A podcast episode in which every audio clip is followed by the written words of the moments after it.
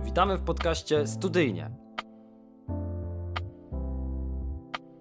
Dzień dobry, cześć. Ja nazywam się Kacper Krotecki i witam Was w kolejnym odcinku podcastu Studyjnie. Naszym dzisiejszym gościem jest Paweł Tkaczyk, strateg marki. Od 20 lat pomaga małym i dużym firmom w zdobywaniu rynków. Poza doradzaniem firmom autor trzech książek. Zakamarki marki, które zdobyły tytuł marketingowej książki roku. E, Grywalizacja, która zajęła pierwsze miejsce na liście bestsellerów OnePress. Natomiast narratologia zdobyła wyróżnienie za najlepszą książkę dla, dla trenerów. E, Dobry wieczór, cześć Pawle. Dobry wieczór, cześć. E, Rozpoczniemy naszą rozmowę standardowo, tak jak wszystkie nasze rozmowy się rozpoczynają, czyli od powrotu do, do czasów młodości, do czasów studenckich, do, do tych ław uczelnianych. E, Chciałem Ciebie zapytać na sam początek o Twój wybór ścieżki studenckiej, co studiowałeś, skąd taki wybór, dlaczego taka decyzja i jak zaczniesz o tym rozmawiać, to żebyś też zastanowił się nad takimi najlepszymi wspomnieniami z czasów studiów. Wiesz co, studiowałem marketing, mm, a studiowałem marketing dlatego, że mm, moi rodzice mieli, mają dalej wydawnictwo książkowe i ja się wychowałem właściwie, po pierwsze w rodzinie, w której jest prywatna firma, po drugie wśród książek i ja zawsze marzyłem o tym, żeby być projektantem i chciałem te książki projektować i nie projektantem nawet takim graficznym, tylko literki, typografem chciałem być. Natomiast e, mm, zaglądając przez ramię różnym grafikom, którzy pracowali dla moich rodziców przez całe liceum i tak dalej, e, byłem całkiem nieźle obcykany w tych programach graficznych. A stwierdziłem, że z samego tego grafikowania się nie utrzymam, potrzebuję jeszcze marketingu, więc e, poszedłem na studia marketingowe. E, Studiowałem w Wrocławiu e, marketing przez, przez e, 3 lata. Mm, Licencjat zrobiłem i po tym e, poszedłem na studia MBA.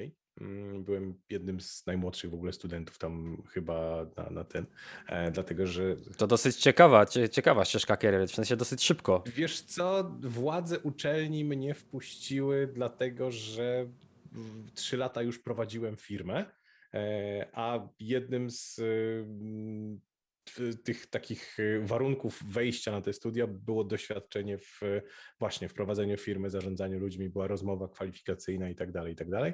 No więc skończyłem studia, to był University of Limerick e, e, w Irlandii i no, potem mieszkałem w Krakowie po studiach przez jakiś czas, no a potem wróciłem do Wrocławia, tak, no bo tu się w sumie urodziłem i tak dalej, i tak dalej, więc, więc e, to. I teraz jak mnie pytasz o, o mm, takie najlepsze rzeczy ze studiów, to wydaje mi się, że pal diabli studia licencjackie. Tam, okej, e, poznałem kilku naprawdę rewelacyjnych ludzi, e, profesora Hełpę już na przykład nieżyjącego, który mi wpoił tę całą taką moją miłość do psychologii, połączenia właśnie ekonomii i psychologii, coś co dzisiaj jest no, dosyć popularne, to znaczy my to nazywamy ekonomią behawioralną, natomiast y, to są czasy jeszcze przed Kahnemanem, kiedy ja studiuję i był bardzo silny podział na psychologię i na ekonomię i psychologia była miękka, ekonomia była twarda e, i tak dalej, i tak dalej. Natomiast ja zawsze stałem tak troszeczkę w, w rozkroku Okej.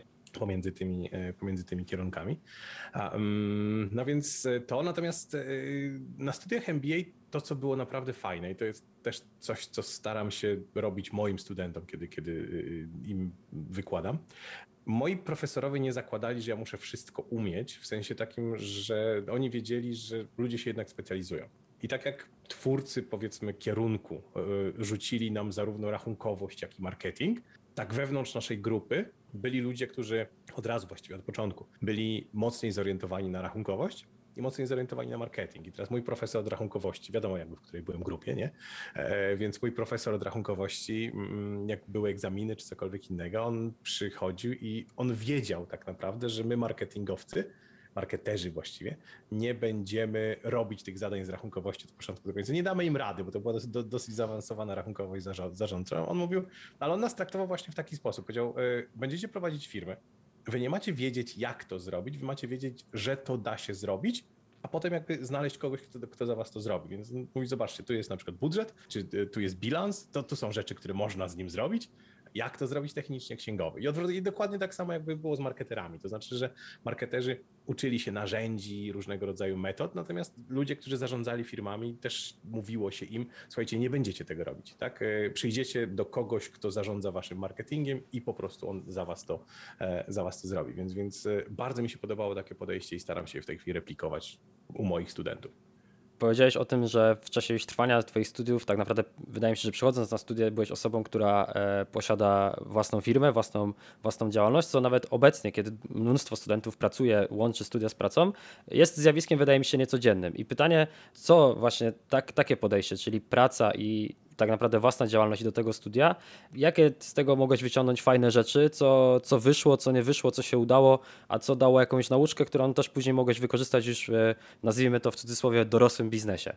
Wiesz co, y, po pierwsze ja miałem ogromne szczęście, że ten biznes to mi się udał, no bo jednak byłem młody i głupi, jak miałem 19-20 lat i zakładałem firmę. Moi rodzice doradzili mi bardzo dobrze, e, no bo ja już wcześniej zarabiałem jakieś pieniądze i jakieś pieniądze miałem i oni powiedzieli, Paweł, nie zakładaj działalności, zakładaj e, e, spółkę, dlatego że wtedy nie odpowiadasz swoim majątkiem. Jeśli ci się noga powinie, a ci się kuna powinie, bo 80% firm nowych się jednak ten nie udaje, no to nie będziesz odpowiadał majątkiem, który, który już masz. Na szczęście mi się noga nie powinęła, więc jakby nie musiałem wykorzystywać ich rady w tym. Druga rzecz, którą mi powiedzieli, to jest nie nazywaj firmy swoim własnym nazwiskiem co jakby w Ameryce jest bardzo, bardzo popularne. E, e, u nas w takiej, nie wiem, mocno zmienionej formie jesteś Tadeusz, nazywasz firmę Tadex, nie? E, a jesteś Zbyszek, nazywasz Zbyszeks, nie? Albo Zbyszpol. Natomiast powiedzieli, Paweł, znowu, a propos tego, że ci się noga powinie, nazwisko masz jedno, Firmę można zawsze założyć, zamknąć, założyć, zamknąć, natomiast nazwisko masz jedno. Więc e, to, to jest coś, co zrobiłem. Nazwałem firmę Idea i, i mm, no, pracowałem już w tej firmie w momencie, kiedy poszedłem na studia. E, I teraz, e, czego mnie to nauczyło? Jedna bardzo fajna rzecz. Znaczy, w momencie, kiedy jesteś na studiach, a nie prowadzisz firmy i nie pracujesz, to w sumie nie wiesz, czego nie wiesz. Uważam, że ludzie pracujący są bardziej zorientowani na zdobywanie wiedzy, ale tylko i wyłącznie dlatego, że oni wiedzą, czego im brakuje. To znaczy, że, że wiesz, siedzisz w tej robocie, i nie potrafisz czegoś zrobić, i na studiach ci, nie wiem, właśnie ktoś z rachunkowości, czy marketingu, czy, czy sprawa mówi coś, i to nie jest czysto teoretyczna wiedza, tylko tak naprawdę mówisz, kurczę, blade, to jest coś, nad czym ja pracowałem wczoraj. To jest coś, czego potrzebowałem do umowy, którą podpisywałem, to i, i, i tak dalej, i tak dalej. Więc, więc e, ludzie, którzy prowadzą swoje firmy, moim zdaniem e, są dużo bardziej zorientowani na jakąś praktyczność jakby tej, tej wiedzy, którą, którą e, my mamy, więc to w ten sposób wygląda. W porządku. E, wspomniałeś też o tym, że obecnie już po, po wielu latach doświadczenia w biznesie e, jesteś, jesteś też wykładowcą akademickim. E, między innymi u nas w Poznaniu na Wyższej Szkole Bankowej, ale nie tylko, na, na, innych, na innych uczelniach również. Chciałem Ciebie zapytać o to przede wszystkim, jakie zajęcia prowadzisz i jakie masz doświadczenia z tej właśnie perspektywy po drugiej stronie stołu, czyli przemawiania do ludzi, a nie, a nie bycia wśród tej społeczności, tej sali, która słucha wykładu czy, czy zajęć prowadzonych przez e, profesora, e, doktora i tak dalej? Prowadzę najczęściej studia podyplomowe i MBA.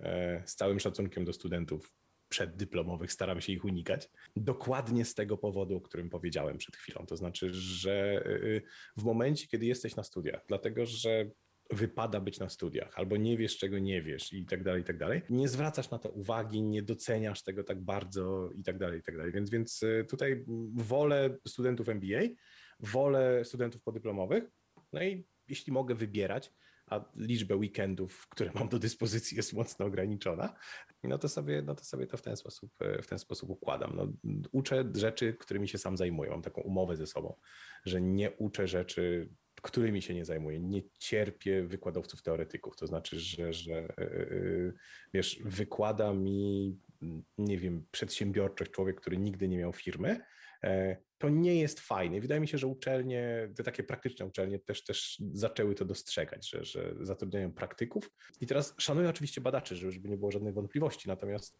sam się od nich bardzo dużo uczę. Natomiast y, są takie rzeczy, gdzie rzeczywiście trzeba jednak umoczyć te łapy i, i posprawdzać, dlatego że no, nawet jeśli masz tę teoretyczną wiedzę, to nie jesteś w stanie odpowiadać na pytania ludzi, którzy te, ma, te łapy mają umoczone, nie? Więc, więc y, dlatego mam na przykład taką umowę ze sobą, że się nie zajmuję rzeczami, na których się nie znam, bo właśnie, no, tracisz szacunek ludzi, kiedy oni cię pytają, ty mówisz, no w żadnej książce to nie było napisane. Bardzo często to są ludzie, którzy jednak za te studia płacą dosyć spore sumy e, pieniędzy, więc też mają prawo wymagać od, od prowadzących, żeby tak błahej rzeczy jak odpowiadanie na pytania faktycznie się sprawdzali. Z racji tego, że prowadzić zajęcia na studiach podyplomowych i MBA w szczególności, czyli na co dzień masz do czynienia z osobami, które też właśnie są już praktykami biznesu na różnych też szczeblach w organizacjach. Czy to, czym ty zajmujesz się w firmie na co dzień, zdarzyło ci się na przykład zderzać tę wiedzę z, z wiedzą osób, które do ciebie przychodziły na studia i w jakiś fajny sposób dyskusji podejmować e, te tematy na zajęciach? Bardzo często i to jakby na dwa sposoby. To znaczy, że z jednej strony są takie uczelnie, jak choćby niektóre oddziały WSB, które e, mają te grupy MBA, MBA-owe sprofilowane. E, przez sprofilowane rozumiem, e, że na przykład przychodzi bardzo konkretny rodzaj ludzi, czyli na przykład, nie wiem, przychodzą ludzie tylko i wyłącznie z ciężkiego biznesu, z biznesu automotive i tak dalej, i tak dalej. I oni na przykład, a propos dyskusji, są święcie przeświadczeni, i to jest coś, co słyszę bardzo często, że marketing to im jest do niczego niepotrzebny, dlatego że oni robią części dla Toyoty i właściwie niczego nie potrzebują, a marketing to jest taki dział u nich w firmie, do którego się idzie po gadżety i długopisy. Nie? I, i, I wiesz, i zderzenie tego takiego punktu widzenia ich z y, moim punktem widzenia, który mówi, że właściwie wszystko jest marketingiem, wszystko jest sprzedażą, może niekoniecznie bezpośrednio, ale, ale jednak y, na koniec dnia zawsze musisz coś sprzedać. Bardzo mi się podobają te dyskusje i staram się ich przekonać. To, to jest jakby jedna strona tego, tego równania. A druga strona tego równania, ja się strasznie dużo uczę od ludzi. To znaczy, że wiesz, w momencie, kiedy kisisz się we własnym sosie, to bardzo szybko dochodzisz do wniosku, że jesteś najmądrzejszą osobą w pokoju i, i tak dalej, i tak dalej. Ja zupełnie szczerze mm, nie zarabiam jakoś specjalnie na studiach, yy, w sensie takim, że mam firmę, zarabiam na doradztwie, strategiach i jakby tego typu rzeczach. Natomiast studia traktuję bardzo mocno jako takie ćwiczenie rozwojowe, to znaczy, że właśnie daje mi możliwość zderzenia się naraz, bardzo szybko e, z jakimś dużym przekrojem ludzi, z którymi właśnie możemy się popstrykać, powymieniać poglądami i, i, i, to są ludzie naprawdę dorośli, z którymi się ekstra dyskutuje. Naj, najbardziej lubię właśnie takie grupy, takie zajęcia, gdzie, gdzie y, można sobie fajnie podyskutować i ja z tego wychodzę mądrzejszy i, i naprawdę to jest jeden z powodów, dla których, dla których to robię. No to to jest świetna ogólnie wartość dodana też dla Ciebie jako właśnie osoby prowadzącej e, zajęcia na tego rodzaju studiach. Mhm. Kończąc wątek e, studiów i też e, ten wątek akademicki Ciebie jako wykładowcy, chciałem zapytać o dostrzegalne u Ciebie podobieństwa i różnice w prowadzeniu zajęć w formie stacjonarnej i w formie zdalnej, czyli coś, co mamy od niedawna przez pandemię, czyli ta nauka zdalna. Jakie Ty dostrzegasz tutaj podobieństwa, różnice, jakie może dobre praktyki, które można wyciągać dalej pomimo tego, że gdzieś pandemia dalej trwa? Wiesz co, na pewno jest różnica tak, w e, zajęciach i tak dalej. Natomiast e, po pierwsze, mm, z punktu widzenia mnie, człowieka, który przed pandemią robił 90 tysięcy kilometrów rocznie za kółkiem, mając jeszcze do tego jakąś tam kartę lotu, czyli latając, nie tylko jeżdżąc. Bardzo mi to pomogło, dlatego że nie zawsze muszę wszędzie jechać. Mogę, mogę niektóre rzeczy zrobić zdalnie. I to jest, i, i pandemia sprawiła, że mnóstwo ludzi udało się przekonać do tego, że da się. To znaczy, że y, kiedyś przed pandemią klienci byli gotowi mi płacić za to, żebym pojechał z Wrocławia do Białego Stoku, uścisnąć prezesowi rączkę przez 10 minut na spotkaniu. Nie? E, e, dzisiaj może nie, nie tyle nie są gotowi mi płacić, co y, obie strony dostrzegają, jak bardzo to jest bezsensowne. I my sobie te 10 minut uściskania rączki zupełnie spokojnie załatwimy przez Zooma, Facebooka czy tam in, in, innego, wiesz, komunikator. A, e, więc e, paradoksalnie mogę robić więcej. Jak, jak sobie policzyłem na przykład moje aktywności z roku 2021, to się okazało, że y, nie wiem, zdarzały się dni, kiedy robiłem po dwa, trzy wydarzenia, wykłady i tak w ciągu jednego dnia, gdzie w poprzednich latach nie byłbym w stanie, dlatego że jedno było w Łodzi, drugie było w Gdańsku, a trzecie było w Warszawie i nie byłbym w stanie tak naprawdę się, się przemieścić, więc, więc e, tutaj no, mój kalendarz troszeczkę więcej mieści. Natomiast z punktu widzenia zajęć e, dużo mniejsza jest interakcja, e, ale to wynika po części z tego, że ludzie sobie inaczej mentalnie księgują. E, jest taki koncept, który nazywa się mentalne księgowanie. Richard Taylor dostał Nobla za niego w 2017 roku. To jest kwestia tego, w jaki sposób my przypisujemy rzeczy do kategorii. I my wykład online wrzucamy do zupełnie innej kategorii, co wykład offline.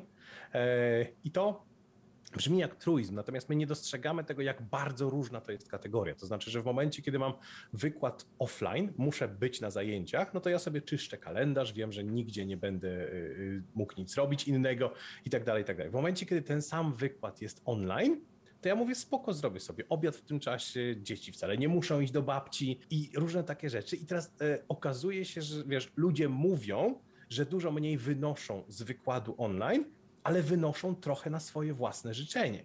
Bo z jednej strony oczywiście, że jest ten komfort, że możesz napakować więcej rzeczy w ciągu dnia, ale z drugiej strony no, jest kwestia tego, że jeśli napakujesz sobie dużo rzeczy w czasie tego wykładu, to nie jesteśmy multitaskerami i no, nie będzie twoja uwaga skupiona i nie wyniesiesz z tego wykładu więcej. Dokładnie, dokładnie tak to niestety wygląda i to jest myślę jakiś problem, który się pojawił też wśród studentów, kiedy nam się wydawało, że właśnie tak jak wspomniałeś, możemy mnóstwo rzeczy robić w jednym czasie, no to jednak ta uwaga i ta koncentracja e, niestety spada. E, chciałbym, żebyśmy teraz, Pawle, porozmawiali o, o tym, czym zajmujesz się na co dzień. Taka główna część naszej rozmowy. E, I chciałbym rozpocząć od tematu marki, ponieważ ty zajmujesz się i strategią marki, i budowaniem e, silnej marki, doradzaniem e, przedsiębiorstwom, jak tę markę zbudować. Ciebie, ciebie chciałem zapytać o to, gdzie Twoim zdaniem tkwi sekret zbudowania marki? Czy jest jakiś uniwersalny klucz do tego, żeby taką silną markę e, zbudować i czy jest to zadanie łatwe, czy właśnie niekoniecznie, że trzeba się postarać, żeby silną markę zbudować? Odpowiedź, jak zwykle w przypadku stratega, brzmi oczywiście to zależy. Natomiast e, po kolei, rozpakowując to, o co pytałeś. Po pierwsze, to nie jest sekret. Myślę, że bardzo mało wiedzy jakiejkolwiek dzisiaj jest sekretnej. My mamy dzisiaj dużo lepszy dostęp y, do wiedzy. Ja bardzo zazdroszczę na przykład młodszemu pokoleniu tego dostępu do wiedzy, którego nie wszyscy oczywiście doceniają, żeby nie było wątpliwości. Natomiast y, y, nie jest to sekretna wiedza, ale ludzie płacą strategom czy wszelkiego rodzaju specjalistom nie za wiedzę, ale za czas. To znaczy, że nie ma żadnego problemu, żebyś mógł się tego nauczyć, no ale zajmie ci to parę lat, e, a potrzebujesz tej wiedzy do rozwiązania jednego konkretnego problemu. Dużo bardziej opłaca się zapłacić gościowi, który te parę lat spędził na tym i rozwiązać twój problem i iść dalej, niż, niż e, się tego uczyć. Więc, więc e, wiedza nie jest tajemna, od tego zacznijmy. Po drugie, jak już się dowiesz, że nie jest tajemna, to okazuje się, że jest powtarzalna. To znaczy, że niezależnie od branży, jest kilka bardzo podobnych elementów, jeśli chodzi o budowanie marki, dlatego że one wszystkie kręcą się wokół decyzji. E, a ta decyzja zachodzi w mózgu i ten mózg ma taką samą budowę, taką samą strukturę u każdego. E, I ta struktura procesu decyzyjnego to jest, to jest właściwie coś, wokół czego my się bardzo mocno kręcimy mm, w momencie, kiedy, kiedy no, budujemy marki. Więc, więc e, rozmawiamy o tym, że klient, żeby kupić od ciebie, musi spotkać się z Twoim komunikatem 4 do 6 razy. I to nie jest jakby przypadkowe spotkanie. E, on musi zaufać Ci na tyle, żeby być gotowy od Ciebie kupić. I, I, kiedy mówię o tym, że to nie jest przypadkowe spotkanie, to te poszczególne etapy, one mają cele, tak? Czyli jeden cel nazywa się budowanie świadomości, musisz wybudować świadomość marki. No jest pierdyliard metod na to, żeby ją budować. Potem jest przypisanie do kategorii i musisz tę markę przypisać do kategorii. Kategoria musi być użyteczna, i tak dalej. A potem jest element afektu emocjonalnego, czyli lubienie. My chętniej kupujemy rzeczy, produkty od ludzi, których lubimy, rzeczy, które nam się podobają, więc to trzeba wybudować. Potem jest element, który nazywa się rozróżnienie, czyli my musimy rozumieć różnicę między produktem naszym, a produktem konkurencji, tak? Więc znaczy inaczej, to my musimy. Jeśli jesteś klientem, to ty kliencie musisz rozumieć różnicę między produktem naszym, a produktem konkurencji. I to jest różnica, która musi budować wartość, więc tu jeszcze wchodzi coś takiego jak budowanie wartości. I dopiero w tym momencie możesz zacząć stosować techniki perswazyjne, które cię skłaniają do akcji, czyli takiej właśnie kup. Y, to, co ludzie tak naprawdę nazywają marketingiem, tym takim nachalnym, nielubianym marketingiem, który mówi kup, kup, kup, to jest jeden z bardzo wielu etapów na, na, na tym całym procesie. No i właściwie tyle. No, w największym skrócie pokazałem Ci strategię. Natomiast w każdym z tych kroków jest, jest no, pierdyliard podkroków. Jest mnóstwo decyzji do podjęcia, to znaczy, że czy pójść tędy, czy pójść tędy. Jest mnóstwo metod mierzenia, bo to jest dosyć ważne też jakby w budowaniu strategii, że ten marketing musi się dać mierzyć, e, ale jak złożysz to do kupy, to wychodzi całkiem zgrabny model działania, który, tak jak powiedziałem, nie jest wiedzą tajemną. Jeżeli chodzi o poznawanie marki, to, to budowanie mm, zaufania czy też świadomości, o którym wspomniałeś, to gdzieś na pewno przed okresem pandemii Wydaje mi się, że było tyle łatwiej, że ta, te marki bardzo często mogliśmy wręcz zobaczyć. Tak? tak działali też y, bardzo często przedstawiciele, czy handlowi, czy właśnie marketerzy, którzy po prostu dawali nam tę markę no wręcz zobaczyć, dotknąć, poznać. Pandemia na pewno to w jakiś sposób zmieniła. Nie chcę mówić, że odwróciła, bo to, to tak naprawdę ty y, będziesz lepiej wiedział, ale właśnie pytanie mam, czy to zagadnienie budowania marki albo zmiana, jaka nastąpiła w okresie e, przedpandemicznym a pandemicznym jest jakaś znacząca? Czy faktycznie da się takie trendy czy takie zachowania dostrzec? Myślę, że to też mocno zależy od tego, w jakiej branży działasz. To znaczy, że y, istnieją firmy i branże, które, kiedy rozmawiamy o budowaniu tak zwanych doświadczeń marki, e, opierały się o tak zwaną głębię markę, głębokie doświadczenia, multizmysłowe doświadczenia, czyli tak naprawdę restauracja, do której idziesz, oferuje ci głębokie multizmysłowe doświadczenia, które zastępują marketing. To znaczy, że jeśli pójdziesz do restauracji, zjesz dobrze, rozejrzysz się, tam są smaki, zapachy, ludzie, doświadczenie właściwie całe, zapamiętasz to tak dobrze, że nie jesteś e, w stanie o tym zapomnieć, a ja będąc restauratorem, mogę to wykorzystać i nie muszę robić marketingu. A potem szast prast jakby przenosimy się do online'u i się okazuje, że jesteś pozbawiony praktycznie jako restaurator e, możliwości serwowania tych doświadczeń swoim klientom i musisz je zastąpić płytkimi doświadczeniami, które no, są online i to jest coś, co bardzo mocno właśnie zmienia, odwraca, wywraca do góry nogami i, i na lewą stronę całe Twoje myślenie o, o, o, tym, w jaki sposób zdobywać klientów i tak dalej. Natomiast są firmy, które właściwie od zawsze mm, działały online i jedyne, z czym one się w tej chwili jakby mierzą, to jest to, że konsumenci chętniej kupują online, rzeczy niż przed pandemią, dlatego że rozmawiamy o tym pewnym oswojeniu, koncepcie i, i, i tak dalej, i tak dalej. Więc, więc e, tutaj e, w ten sposób to, w ten sposób to wygląda. Okej, okay. E, przejdźmy do kolejnego tematu, którym mm, zajmujesz się na co dzień, czyli do, do storytellingu i na Twojej stronie internetowej można znaleźć świetny cytat, który pozwolę sobie teraz przytoczyć, czyli cześć, nazywam się Paweł Tkaczyk i zarabiam na, na życie opowiadaniem historii. Wydaje się, że bardzo prosty koncept, ale no tak naprawdę ty z niego zbudowałeś no, swoją firmę i swoje codzienne e, działania. Wydaje mi się, że storytelling jako taki jest jeszcze w Polsce mm, zagadnieniem niedocenianym, czy nie na tyle znanym, e, żeby stać się czymś powszechnym w firmach. Twoim zdaniem, w czym tkwi siła dobrego storytellingu i dlaczego w ogóle warto się tym zainteresować? Wiesz co, nie powiedziałbym, że storytelling jest u nas mniej popularny, dlatego że no, ej, jesteśmy ludźmi, opowiadaliśmy historię praktycznie od zawsze. Natomiast e, z punktu widzenia strategii marketingowej, storytelling przydaje się bardzo w momencie, kiedy jest konkurencja dosyć mocna, intensywna i w momencie, kiedy Twój produkt nie za bardzo różni się od tej konkurencji. Czyli jeśli sprzedajesz jogurt dokładnie taki sam jak e, wszystkie inne jogurty, musisz o nim opowiedzieć historię.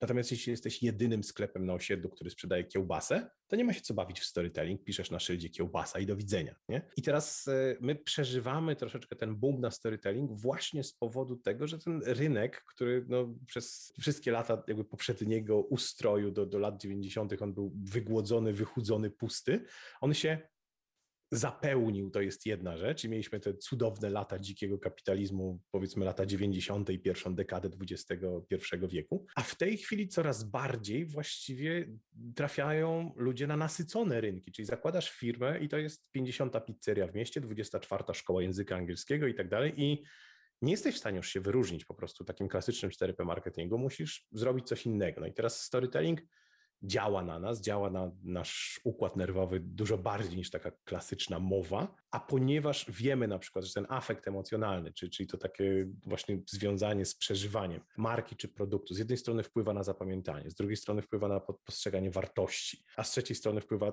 no, czysto na afekt emocjonalny, po prostu na to lubienie, e, no to to jest narzędzie, które się naprawdę bardzo przydaje.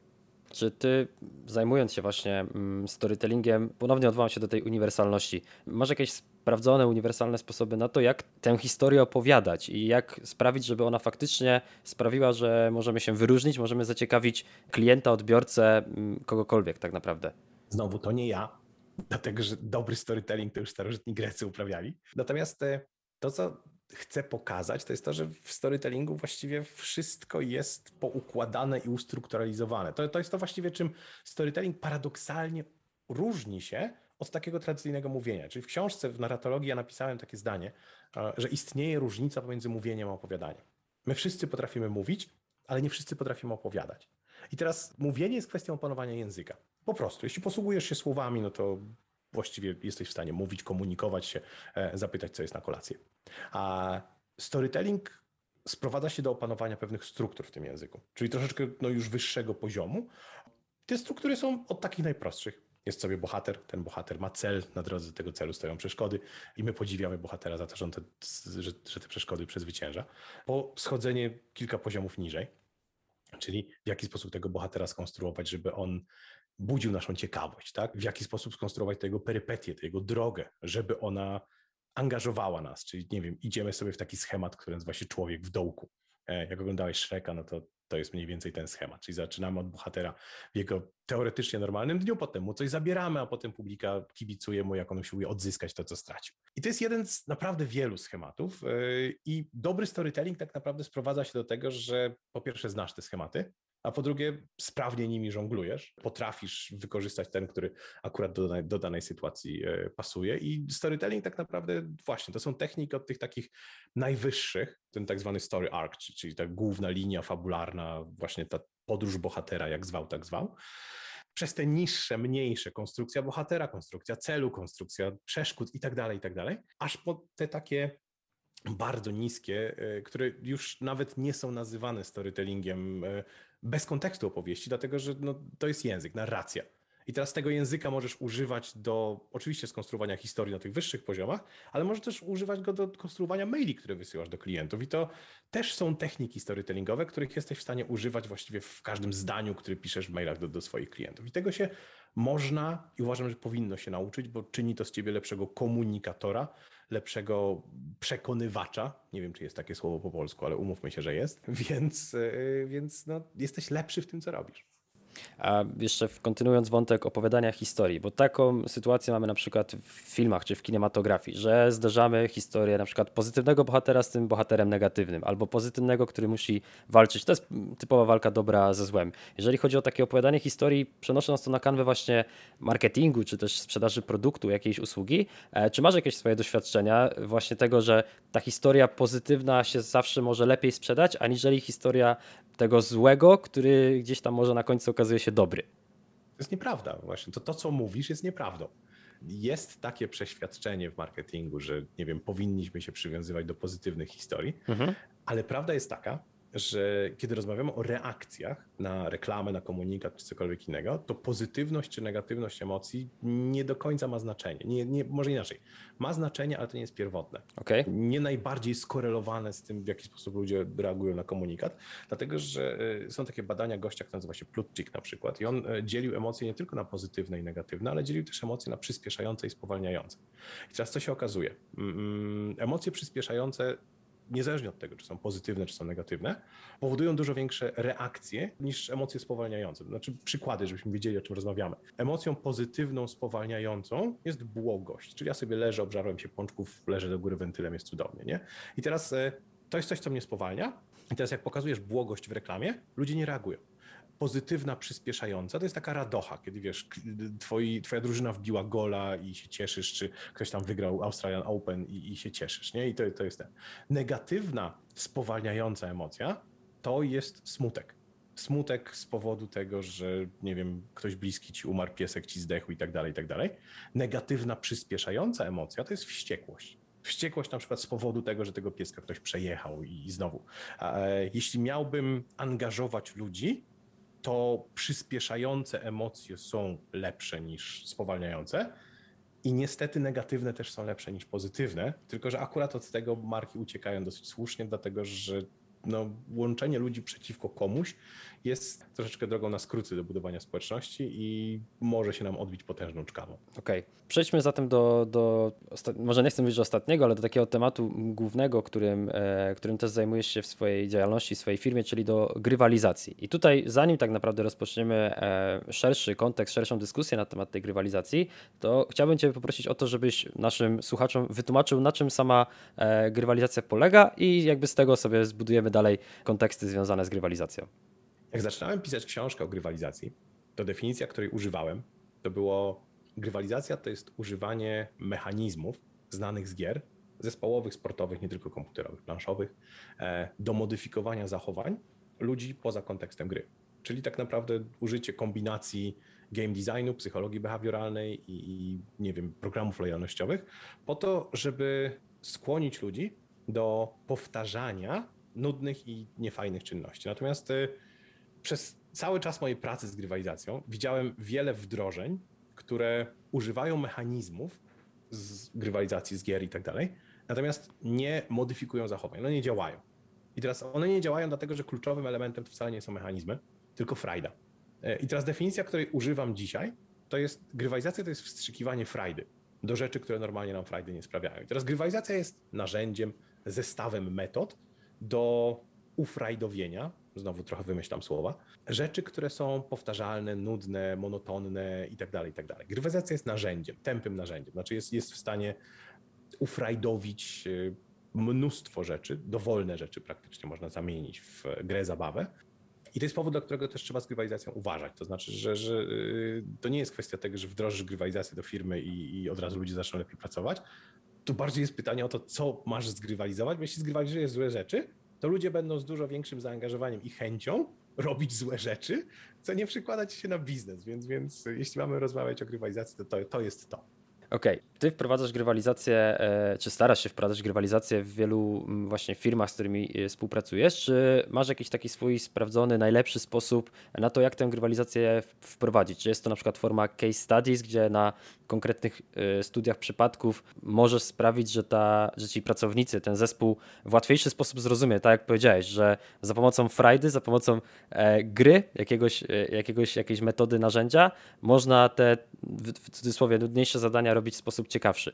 Kręcę głową, dlatego że nie, dlatego że tutaj znowu musiałbym bardzo długo tłumaczyć, w jaki sposób te, te na, na czym polega grywalizacja, ale spróbujmy od, od, od, bardzo prostych rzeczy. Decyzja o tym, czy zrobić coś, czy nie, składa się z dwóch takich głównych elementów, czynników. To są uświadomione elementy procesu decyzyjnego i nieuświadomione elementy procesu decyzyjnego. System 1 i system 2, jakby powiedział Daniel Kahneman, e, który dostał Nobla w 2001 albo drugim, drugim roku, w 2002 roku dostał. W każdym razie, grywalizacja wpływa na nieuświadomione elementy procesu decyzyjnego. I teraz e, bardzo ważna konsekwencja jest następująca. Nie jest ważne, czy ty wiesz, co i, i, i dlaczego masz robić, dlatego że jeśli wprowadzimy pewne mechanizmy, to i tak to będziesz robił. Tu naj, najprostszy przykład jakby tego, dlaczego my wpływamy na nieuświadomione y, mechanizmy. Jeśli weźmiesz sobie te decyzje, które są trudne, na przykład rzucanie palenia, e, albo odżywianie się zdrowe, albo nie wiem, poranne bieganie, to się okazuje, że decyzja o tym, czy coś zrobisz, czy rzucisz palenie, czy weźmiesz sałatkę zamiast burgera, czy pójdziesz rano biegać, ona nie ma nic wspólnego z wiedzą o tym, dlaczego to powinieneś robić. Dlatego, że człowiek, który pali papierochy, wie, że mu to szkodzi. Człowiek, który je burgera, wie, że to jest niezdrowe, i człowiek, który nie idzie biegać, wie, że powinien. Natomiast wiedza, czy powinieneś, nijak się kuna ma do motywacji tego, że, że, że, żeby to zrobić. I grywalizacja tak naprawdę zastępuje tę wiedzę zupełnie innymi mechanizmami. Dlatego tłumaczenie ludziom za pomocą właśnie, tak jak powiedziałeś, case study czy, czy innych prezentacji, hej, tutaj powinniście, w ogóle nie tędy droga. Projektuje się system mechanizmów i dlatego powiedziałem, że, że jakby nie jestem w stanie tego wytłumaczyć od razu, bo to jest dosyć skomplikowany system prostych mechanizmów. Mhm. Czyli tak naprawdę to się sprowadza do prostej zero-jedynkowej decyzji. Ja robię jedną rzecz, a nie robię innej rzeczy i te kilka jakby skombinowanych prostych mechanizmów tworzy system grywalizacyjny. Najprostszy przykład, jaki mogę Ci e, podać, to jest taki mechanizm, który, który znasz bardzo dobrze, nazywa się pasek postępu. Pasek postępu, nie wiem czy wiesz, jest mechanizmem grywalizacyjnym, dlatego że on o, zasadza się na informacji zwrotnej, która pokazuje ci nie tylko twoje osiągnięcia, coś co cię bardzo interesuje, ale pokazuje ci ile jeszcze ci brakuje.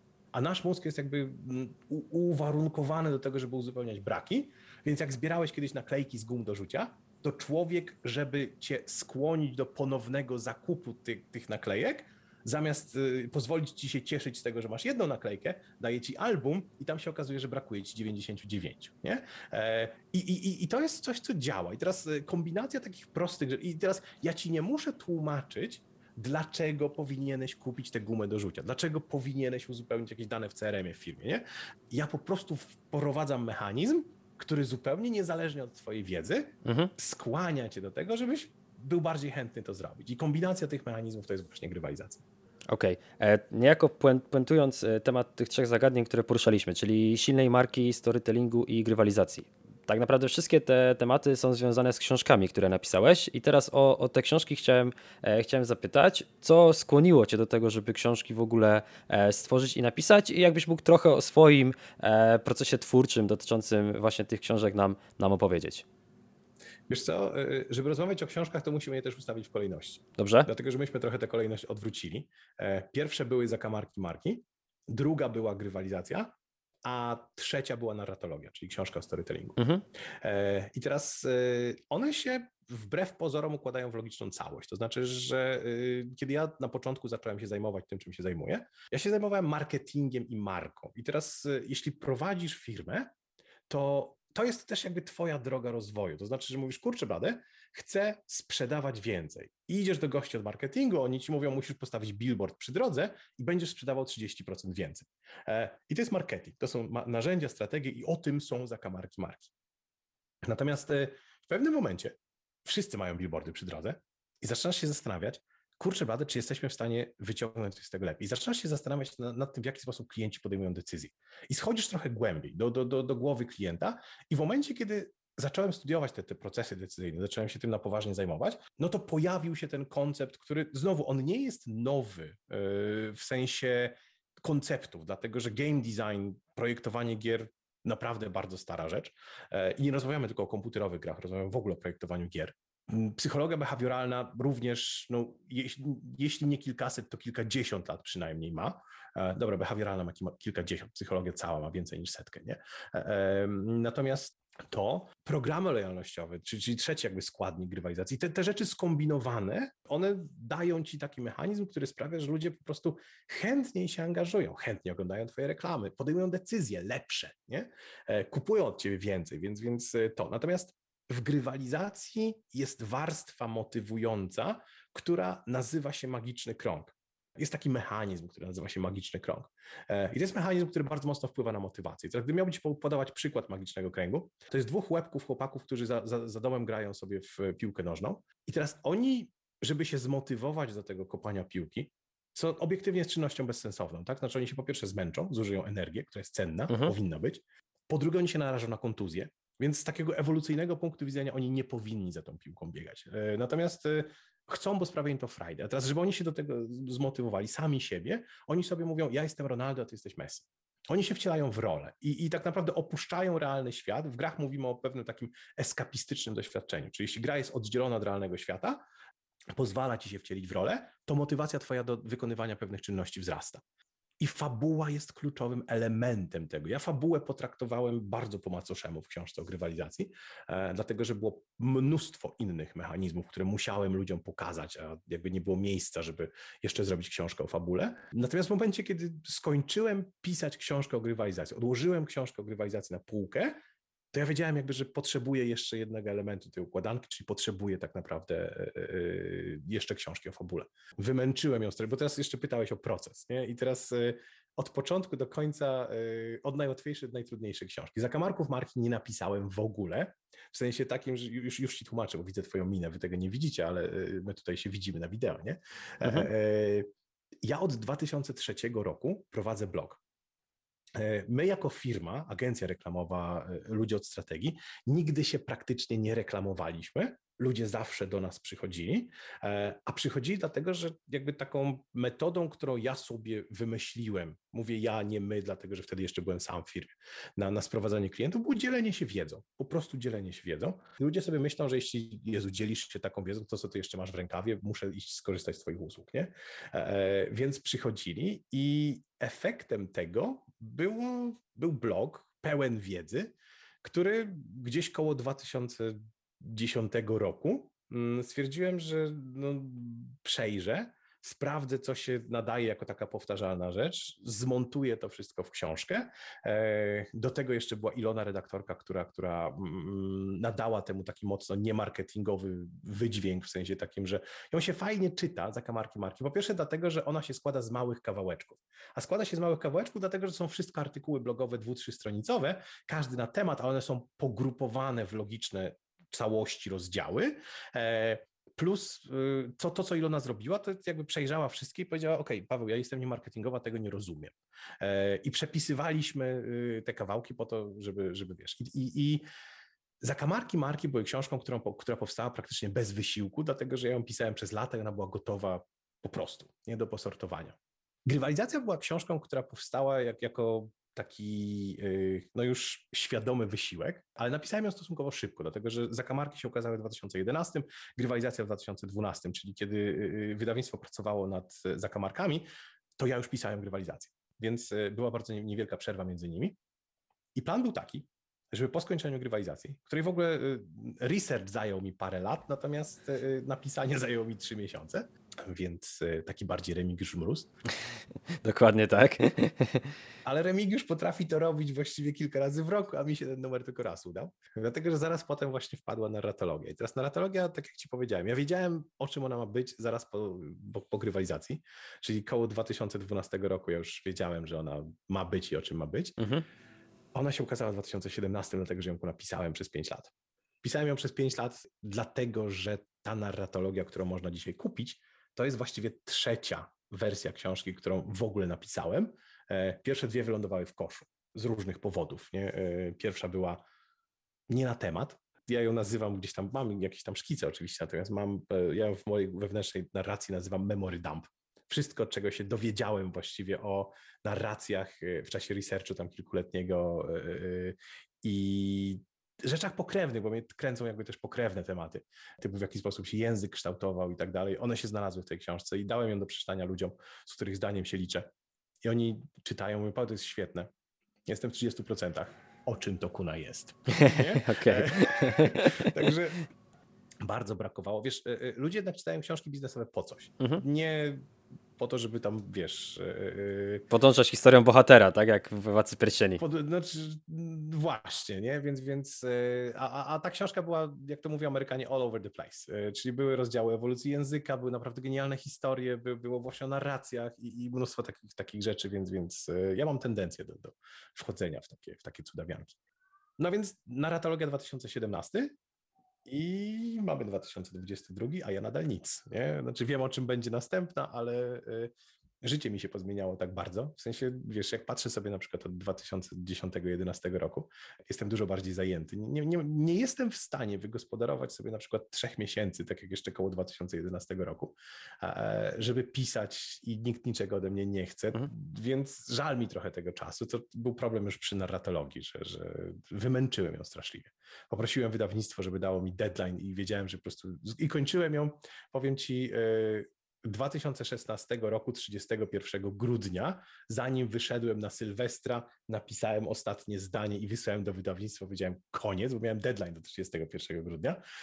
No, ale następna wiem o czym będzie, natomiast kiedy będzie, to jest zupełnie inna sprawa. Niejako uprzedzasz moje kolejne pytanie, ponieważ chciałem, porozmawialiśmy o tym, co już było, co udało się osiągnąć, e, jak wygląda teraz e, Twoja działalność i chciałem zapytać już praktycznie na sam koniec o plany na przyszłość. I tu pojawia się właśnie wątek e, kolejnej książki, między innymi.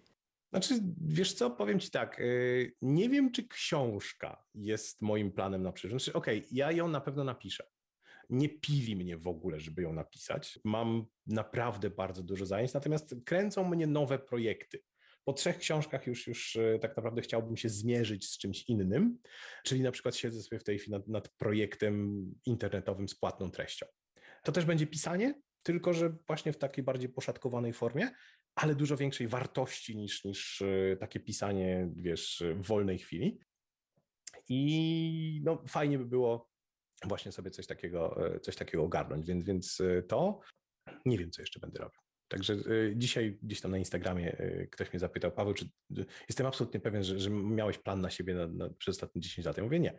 nie. Nie, nie miałem planu nawet na ostatnie, znaczy jestem w innym miejscu dzisiaj niż planowałem dwa tygodnie temu, że będę. Miałem leżeć na Malediwach, ale jakby COVID mnie trafił i widzisz, nagrywamy podcast drugi raz. Tego też nie powiedzieliśmy naszym słuchaczom, że nagrywamy drugi raz. No nie muszą tego wiedzieć. Nagranie. Nie muszą tego wiedzieć. Nie, nie, nie, nie będziemy im mówić, nie? żeście zgubili pierwsze nagranie. E, nie, ale weź, po, powiedz to, bo to jest legenda, tak? Istnieje nagranie tego podcastu, znaczy nie istnieje, nie? Które nagraliśmy. Gdzieś jest, tak? gdzieś jest w zakamarkach. Okej, okay, dobra, no więc gdzieś, gdzieś krąży. Ktoś, ktoś gdzieś to ma. To będzie jak święty gral, to będzie jak święty gral ta, ta pierwsza rozmowa. Dokładnie, nie? E, Pawle, już na sam koniec chciałem, e, ponieważ porozmawialiśmy o codziennej działalności, o tym, czym się zajmujesz, już mhm. na sam koniec e, troszkę o czasie wolnym.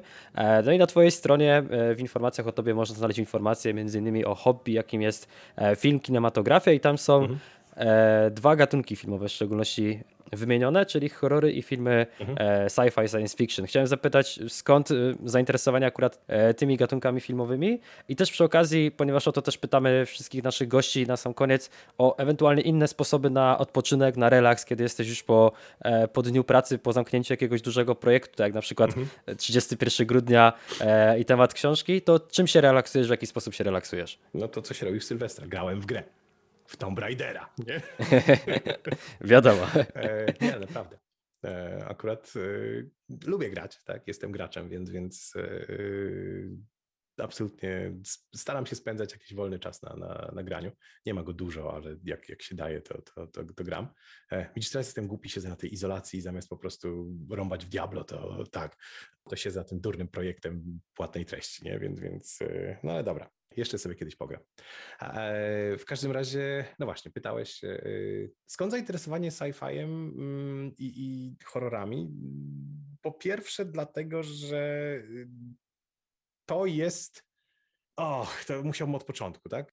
Ja nie lubię, znaczy okej, okay, lubię sci-fi właściwie cały, um, lubię horrory różne, natomiast musisz wiedzieć, właśnie to, to jest to, o czym myśmy rozmawiali na poprzedniej rozmowie, że im, im gorszy, tym lepszy. Ja cenię sobie filmy, które są złe, dlatego że ja pracuję głową. To się wzięło stąd, że ja tak naprawdę pracuję głową.